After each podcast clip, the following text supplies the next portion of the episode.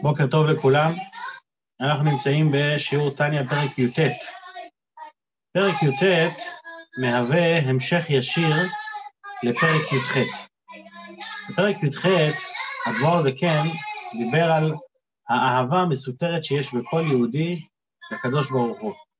בשונה מהפרקים שלפניו, שמדבר על אהבה מולדת, אהבה לא מולדת, אהבה שמולידים אותה על ידי מחשבה, על ידי התבוננות מעמיקה, האהבה המסותרת נמצאת שם, לא משנה כמה התבוננת וכמה לא התבוננת, היא תמיד נמצאת שם, בשיא, בשיא התוקף.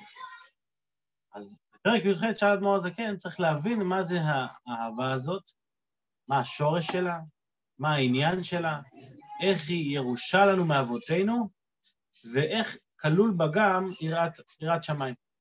אז בפרק י"ח, מה שהבנו עד עכשיו זה שאיך היא ירושה לנו, כי האבות, בזכות העבודה שלהם מבחינת מרכבה, זאת אומרת שהם לא רק היו מחוברים לקדוש ברוך הוא, לאלוקות, אלא הם גם התמסרו ברמה מוחלטת, ברמת פיתול מוחלטת כמו של מרכבה, לכן הם זכו להמשיך גם, אה, הם זכו להמשיך נשמה קדושה לבניהם, והנשמה הקדושה הזאת כוללת בתוכה את האהבה הטבעית הזאת להשם. זאת אומרת, זה לא שהאדם, אה, זה, לא, זה לא ש... מה זאת אומרת שהאהבה הטבעית הזאת נמצאת בתוכם? זה לא שאין לאדם בחירה, אלא הנפש כוללת את האהבה הזאת. כי אהבה בדרך כלל אי אפשר להוריש כתכונה, זה לא כמו תכונת נפש. אהבה זה או שאני אוהב את זה או שאני לא אוהב את זה, אבל הנפש עצמה היא אוהבת, ואת הנפש הם הורישו. זה ה... איך היא ירושה לנו. ואחר כך הוא העריך להסביר את השורש של האהבה הזו, ששורש האהבה הזו היא מבחינת חוכמה שבנפש, שחוכמה שבנפש, שחוכמה שבנפש, היות שהיא מבטאת את עצם הנשמה, והיא למעלה מהבינה, היא האינסטינקטים של האדם, לכן האמונה של האדם טבועה כל כך בנפשו, בגלל שהחוכמה שבנפש היא נקודת, ה... נקודת ה... האינסטינקט של האדם, הקשר שלו עם אלוקות. והיות שדרגת האהבה, האהבה הזאת היא מדרגת החוכמה, אז לכן שום דבר לא יכול להעלים עליה. בשונה מבינה, שאם התבוננת, היא מתפתחת, אם לא, אז לא. אז, אז האהבה שבאה מבחינת החוכמה היא אהבה כזאת ששום, שכאילו אני לא יכול, אה, אה, באפשר, אין לי אפשרות אחרת, אלא רק אה, להתחבר. יהודי לא רוצה ולא יכול להיות אה, מנותק מאלוקות אפילו רגע אחד. זה לא שואל את הבחירה החופשית שלו, אבל זה מחזק את, ה, את, ה, את העניין שלו. בפרק י"ט אדמו"ר הזה כן בא להסביר את העניין של האהבה הזאת. זאת אומרת, לא רק מה השורש שלה, אלא מה האהבה הזאת נותנת, מה, מה, היא, מה היא מבטאת, מה היא רוצה, או במילים, אה, במילים של. ספרי חסידות, זה מה המבוקש של אותה אהבה. זאת אומרת, לאן היא חותרת? וגם זה אנחנו, אנחנו מעמידים ביחס לאהבה הקודמת של אהבה על ידי התבוננות. זאת אומרת, מה המבוקש, מה המטרה של אהבה על ידי התבוננות, ומהי המטרה של אהבה מצד חוכמה שבנפש. אז זה עניינה של האהבה הזאת. ובסוף הפרק הוא גם יסביר מה זה, איך כלול בה גם תחילו. אז אנחנו נתחיל מההתחלה, ניגש לפרק י"ט, ונלמד בעזרת השם גם את השיעור של היום וגם את השיעור של שבת של מחר. אז אני משתף מסך ונצא לדרך. רגע, המסך פה. נעלם לנו המסך. נמצא אותו. אוקיי. אוקיי.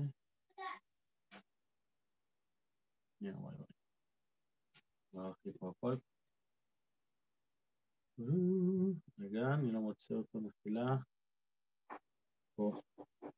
רגע, אני משתף פה את המסך, פשוט אה, משהו פה קרה לי לטניה, הוא נפל לי. רגע, רגע. מחילה, מחילה, מחילה. הנה. אוקיי. פרק י"ט. ולתוספת ביור בהר היטב, להבין יותר את המהות של האהבה המסותרת שיש לכל אחד, צריך לבאר היטב, תוספת ביור צריך לבאר היטב מה שכתוב, נר השם נשמת אדם. מה זה נר השם נשמת אדם? שהנשמה משולה לנר. פירוש, למה הנשמה משולה לנר?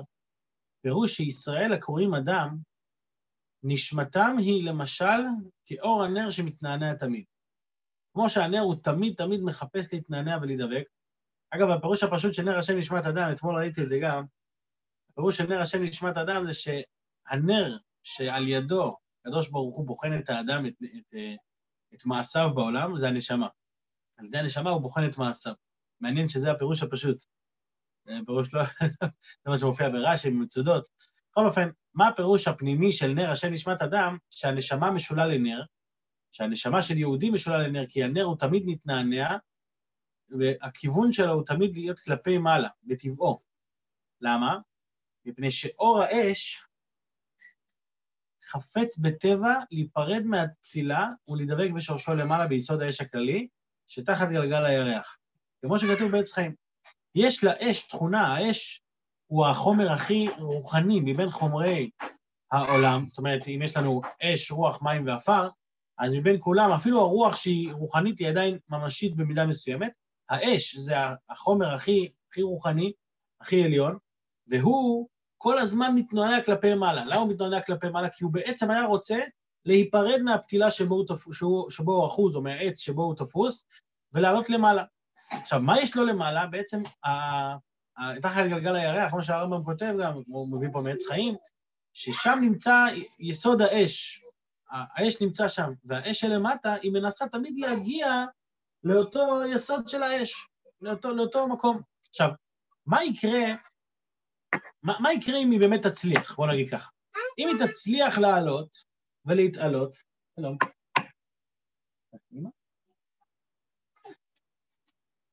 מה יקרה אם היא תצליח לעלות?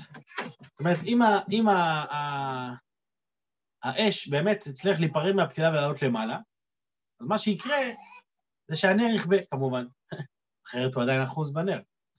אז הנר יכבה, ומצד שני, מה יקרה לאש כשהיא תגיע לגלגל הירח? האם יישאר ממנה משהו?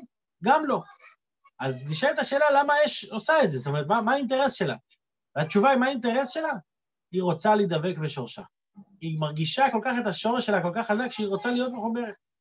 אני ממשיך פה לקרוא בשורה שלישית, ואף שעל ידי זה יכבה ולא יאיר כלום למטה. למטה הוא כבר נכבה הנר, וגם למעלה בשורשו. יתבטל אורו במציאות בשורשו, אף על פי כן מכך הוא חפץ בטבעו.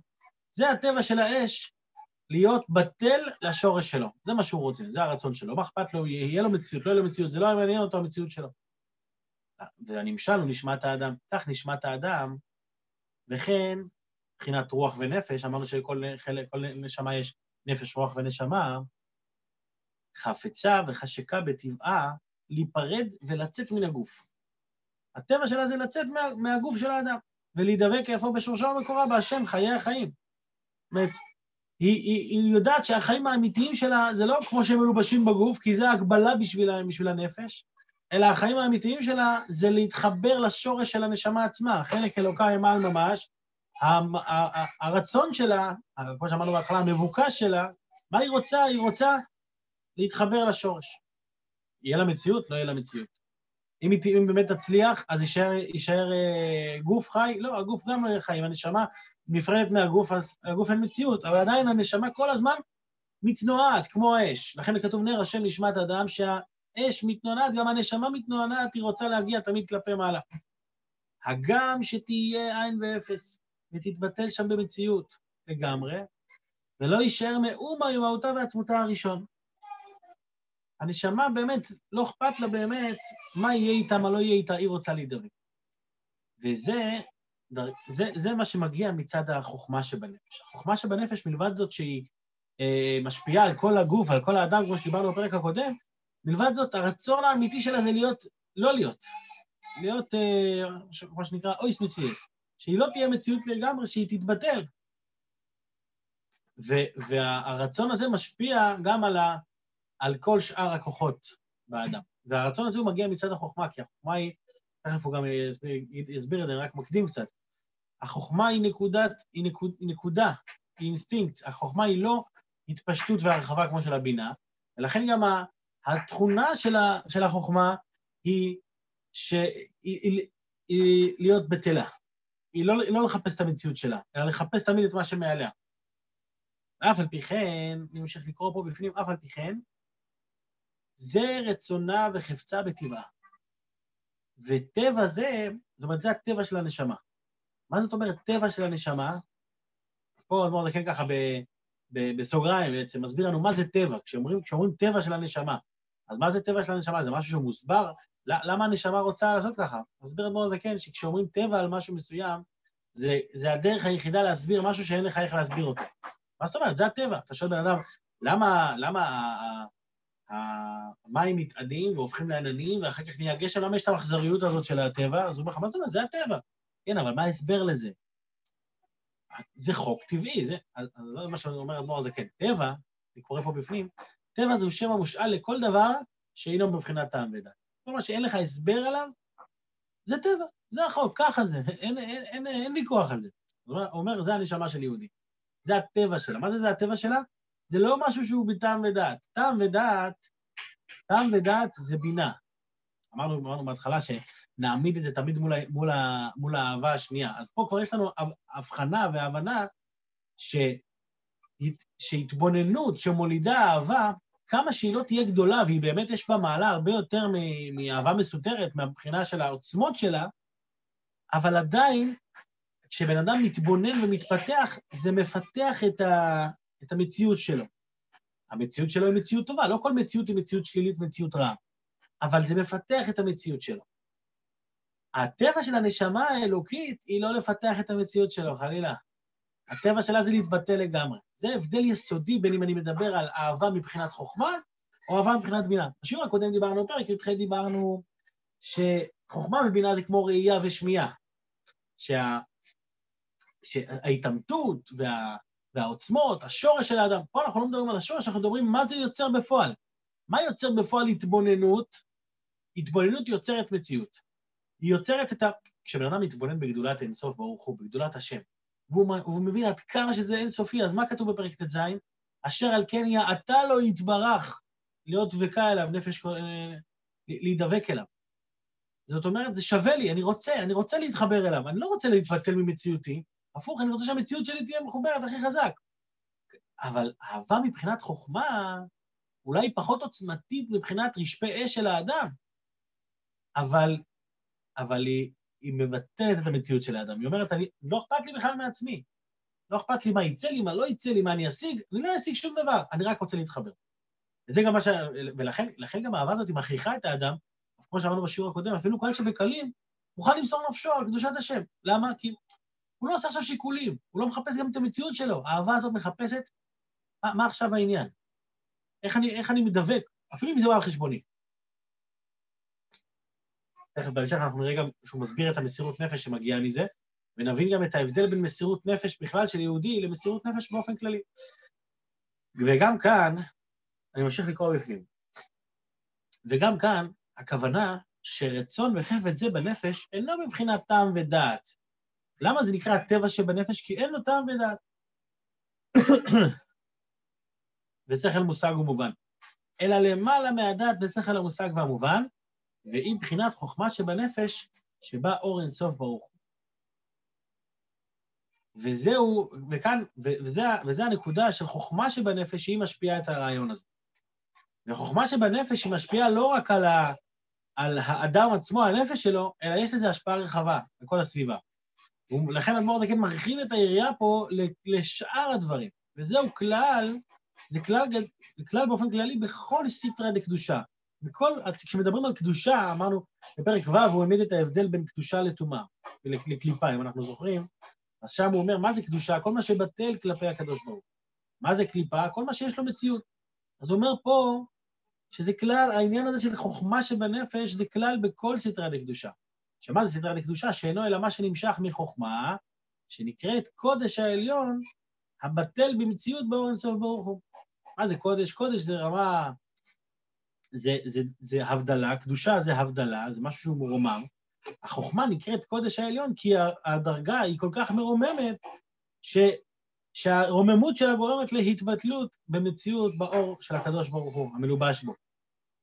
ואינו דבר בפני עצמו. החוכמה היא לא מציאות בפני עצמה, אלא כל הזמן היא רק עסוקה בלהתבטל כלפי, כלפי מה שמעליה, כלפי האלוקות שעליה, כנזכר לעיל. לכן החוכמה נקראת כוח מה. מה זה כוח מה? מה זה התבטלות. כוח מה? מה זה מה? מה אני? מי אני? מה אני? כמו שנאמר, או כמו שמשה רבנו אמר, ונחנו מה? מה זה ונחנו מה? אין לי מציאות בשביל עצמי. אני, אני שום דבר. ולכן זה החוכמה. אם אני לא טועה כבר שלוש פעמים בטניה, הזכרנו את המושג הזה, כוח מה. פעם אחת הוא הזכיר את זה שחוכמה זה כוח מה, כי זה, ה... זה, זה השכל הראשוני, זה נקודת ההמצאה, ההשכלה. ברק המבריק, פרק ג'. אחרי זה בפרק י"ח הוא גם הזכיר שזה כוח מה. שאלה מה זה כוח מה? זה כוח מה? אה, בפרק י"ח דיברנו על זה.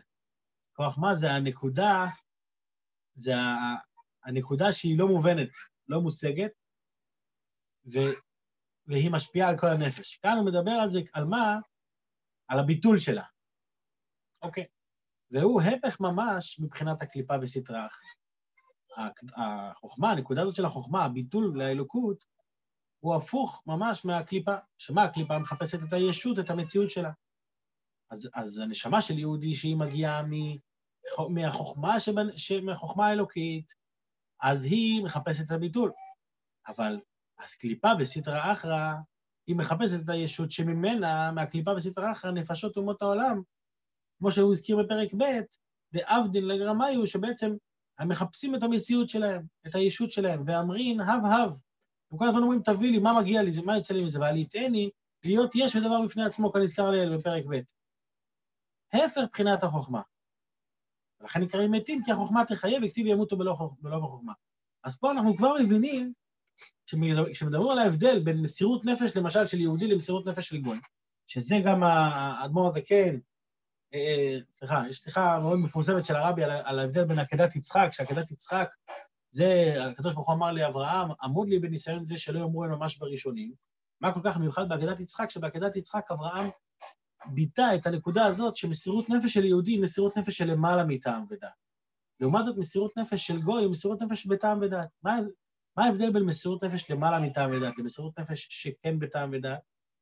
מסירות נפש שהיא בטעם ודעת, זה אומר, אני כל כך מבין משהו שאני מוכן למסור את הנפש הזה. גם ביהדות יכול להיות אחד שהוא הבין משהו כל כך טוב, שהוא אומר, טוב מותי מחיי, העיקר העניין הזה שעליו אני לומד, שאותו אני משיג. ועל דרך זה גם באומות העולם. באומות העולם יכול להיות מצב שבן אדם אומר, יש לי אידיאל כל כך חזק שאני מוכן, אני מוכן שתתבטל המציאות שלי בשביל האידיאל. אבל האם זה באמת ביטול המציאות? התשובה היא לא. למה? כי הוא מבטל אומנם את, את הגוף שלו, אבל האידיאל שלו, את האידיאל שלו הוא פיתח. אצל יהודי, הוא לא מחפש את האידיאל שלו. מה, מה האידיאל שלו? אחד, ש, אחד שמוסר את נפשו, אה, והוא בכלל ביום-יום לא, לא מתנהג בהתאם לאותה מסירות נפש, האם הוא מימש פה איזשהו אידיאל? לא מימש שום אידיאל. שזה, לכן השווינו את זה בהתחלה לאש. מה זה אש? האש היא מתבטלת למטה, היא גם מתבטלת למעלה. אחד שמוסר נפש על אידיאל, אז למעלה הוא לא מתבטל, מבחינתו. כי הוא מחפש את המציאות האמיתית שלו מבחינתו. אבל מסירות נפש של יהודי זה משהו למעלה מטעם ודעת, זה מצד חוכמה שבנפש, לא מצד הבינה. ומצד החוכמה, אין לו הסבר. אני פה, אני פה שום דבר, וגם אני למעלה שום דבר. שניהם, שניהם, שניהם לא מעניינים אותי באותה מידה, מה שמעניין אותי זה מה? הקשר שלי עם הקדוש ברוך הוא. מה זאת אומרת מעניין אותי? זה הנשמה, זה מה שמעניין את הנשמה. היהודי, באופן טבעי יש לו את זה, בין אם הוא מודע לזה, בין אם הוא לא מודע לכוח הזה, זה חלק מהנשמה שלו. לכן הוא אומר, לכן יש, יש מושג, כמו שאמר, הזכרנו את זה גם בפרק אה, י"ג, אם אני לא טועה, שהרשעים קרויים מתים. מה, למה נקראים פה מתים? גם פה הוא מתייחס לזה, לכן נקראים מתים. כי הנשמה שהיא מחוברת לחיי החיים, כמו שהוא הזכיר קודם, אז היא, על ידי ההתבטלות שלה היא מחוברת לחיים האמיתיים. כשאין לה שום מציאות משל עצמה, אז היא חיה באמת. לעומת זאת, כשאתה מציאות, אז המציאות שלך מעלימה על החיים שלך. לא הכוונה כאן אה, אה, מיטה וחיים כפשוטו, שבן אדם אה, נפטר או חי, אלא מדובר פה על חיים אמיתיים, האם, האם אתה חי או לא. זאת אומרת, האם, האם זה חיים? האם זה נקרא חיים? אז כשבן אדם מבטל את מציאותו כלפי השורש שלו, אז הוא חי. אבל כשהוא מעסיק את עצמו בפיתוח האגואיזם שלו והיש, והישות שלו, אז זה, זה, על זה נאמר, ימותו ולא בחוכמה. זאת אומרת, כש, כשאין את נקודת החוכמה, אז זה נחשב ימותו. ואו או. או בצד החיובי, כי החוכמה תחיה. החוכמה תחיה בעליה, שכשיש נקודת החוכמה, את הביטול הזה לדרגה העליונה של... לשורש שלך, אז אתה חי חיים אמיתיים. וכן, עכשיו מה שהסברנו על מסירות נפש, האדמו"ר הזקן הולך ופורט את זה במילים, נראה את זה במילים של האדמו"ר הזקן. וכן הרשעים ופושעי ישראל, קודם שבאו לידי ניסיון לקדש השם. זאת אומרת, אותם האנשים, זאת אומרת, לכאורה, במבט שטחי נראה, שמה ההבדל בין אנשים שהם פושעי ישראל ורשעים? לכאורה, לכאורה הם שווים ממש לנפשות אומות, אומות העולם, שהם יש ודבר בפני עצמם, ונחשבים מתים לכאורה. אומר אדמו"ר הזקן, לא. הרשעים ופושעי ישראל, בפנים יש להם את זה. רק מה? כלפי חוץ, כלפי חוץ לפעמים נקראים מתים. למה הם נקראים מתים כלפי חוץ? לפני שהם באו לניסיון הקדושת השם. זאת אומרת, ביום-יום, בשגרה. ביום-יום בשגרה באמת, הם, הם די שווים לנפשות אומות העולם. באיזה קטע? שהנפש הקדושה שלהם, הנפש הקדושה שלהם מוגבלת, לא, היא לא בשיא העוצמה שלה. אז לכן הוא אומר, וכן הרשעים ופושעי ישראל, קודם שבאו לידי ניסיון לקידוש השם. אז הם באמת באותה דרגה, באותה רמה של, אה, של, אה, איך הוא קרא לזה פה? ולכן נקראים מתים. כאן. אז פה הוא מסביר, כי מבחינת החוכמה שבנפש האלוקית, אם ניצוץ האלוקות מאור אינסוף ברוך הוא, שאליו הוא מתבטל, המלובש בה, אז אצל הרשעים, מדובר פה על רשע, מה שנקרא רשע ורע לו בדרגה הנמוכה,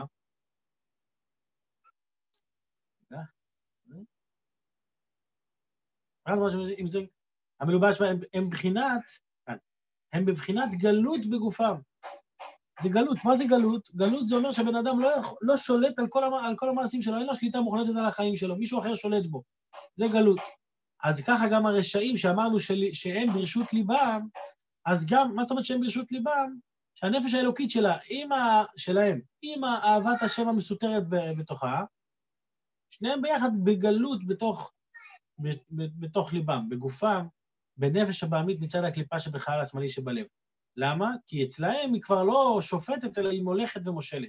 המולכת ומושלת בגופם בסוד גלות השכינה כנזכר לאל. זאת אומרת, מה זה גלות השכינה נזכר לאל? זה מה שהזכרנו בפרק י"ז, אם אני לא טועה, שגלו לאדום שכינה עמהם, שכשבן אדם מתנהג בצורה של אדום, כשבן אדם מתנהג בצורה של, ש, שהיא לא מתאימה, אז הוא מגלה איתו את השכינה שנמצאת בתוכו. מה זה השכינה שנמצאת בתוכו? אותו חלק אלוקה, אותה חוכמה שבנפש, היא שם, היא שם בכל התוקף, אבל, אבל היא כלואה בתוך, ה, בתוך הצד השלילי, בתוך הסטרח.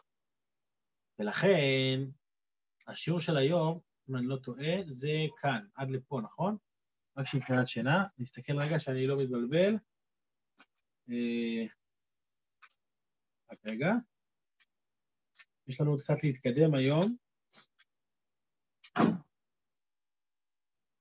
כן, לא, לא, לא, יפה. יותר למעלה, אלא שגלות זה. השיעור זה עד לפה. אוקיי, ולכן נקראת האהבה הזו שבנפש האלוקית, שרצונה וחפצה לדבוק בהשם, חיי החיים ברוך הוא, בשם אהבה מסותרת. למה נקראת אהבה מסותרת? כי היא מסותרת, כי היא מסותרת ומכוסה בלבוש שק דקליפה, בפושעי ישראל, היא באמת, היא באמת נמצאת, היא, היא מסותרת, היא מוחבאת, כי היא בגלות שם.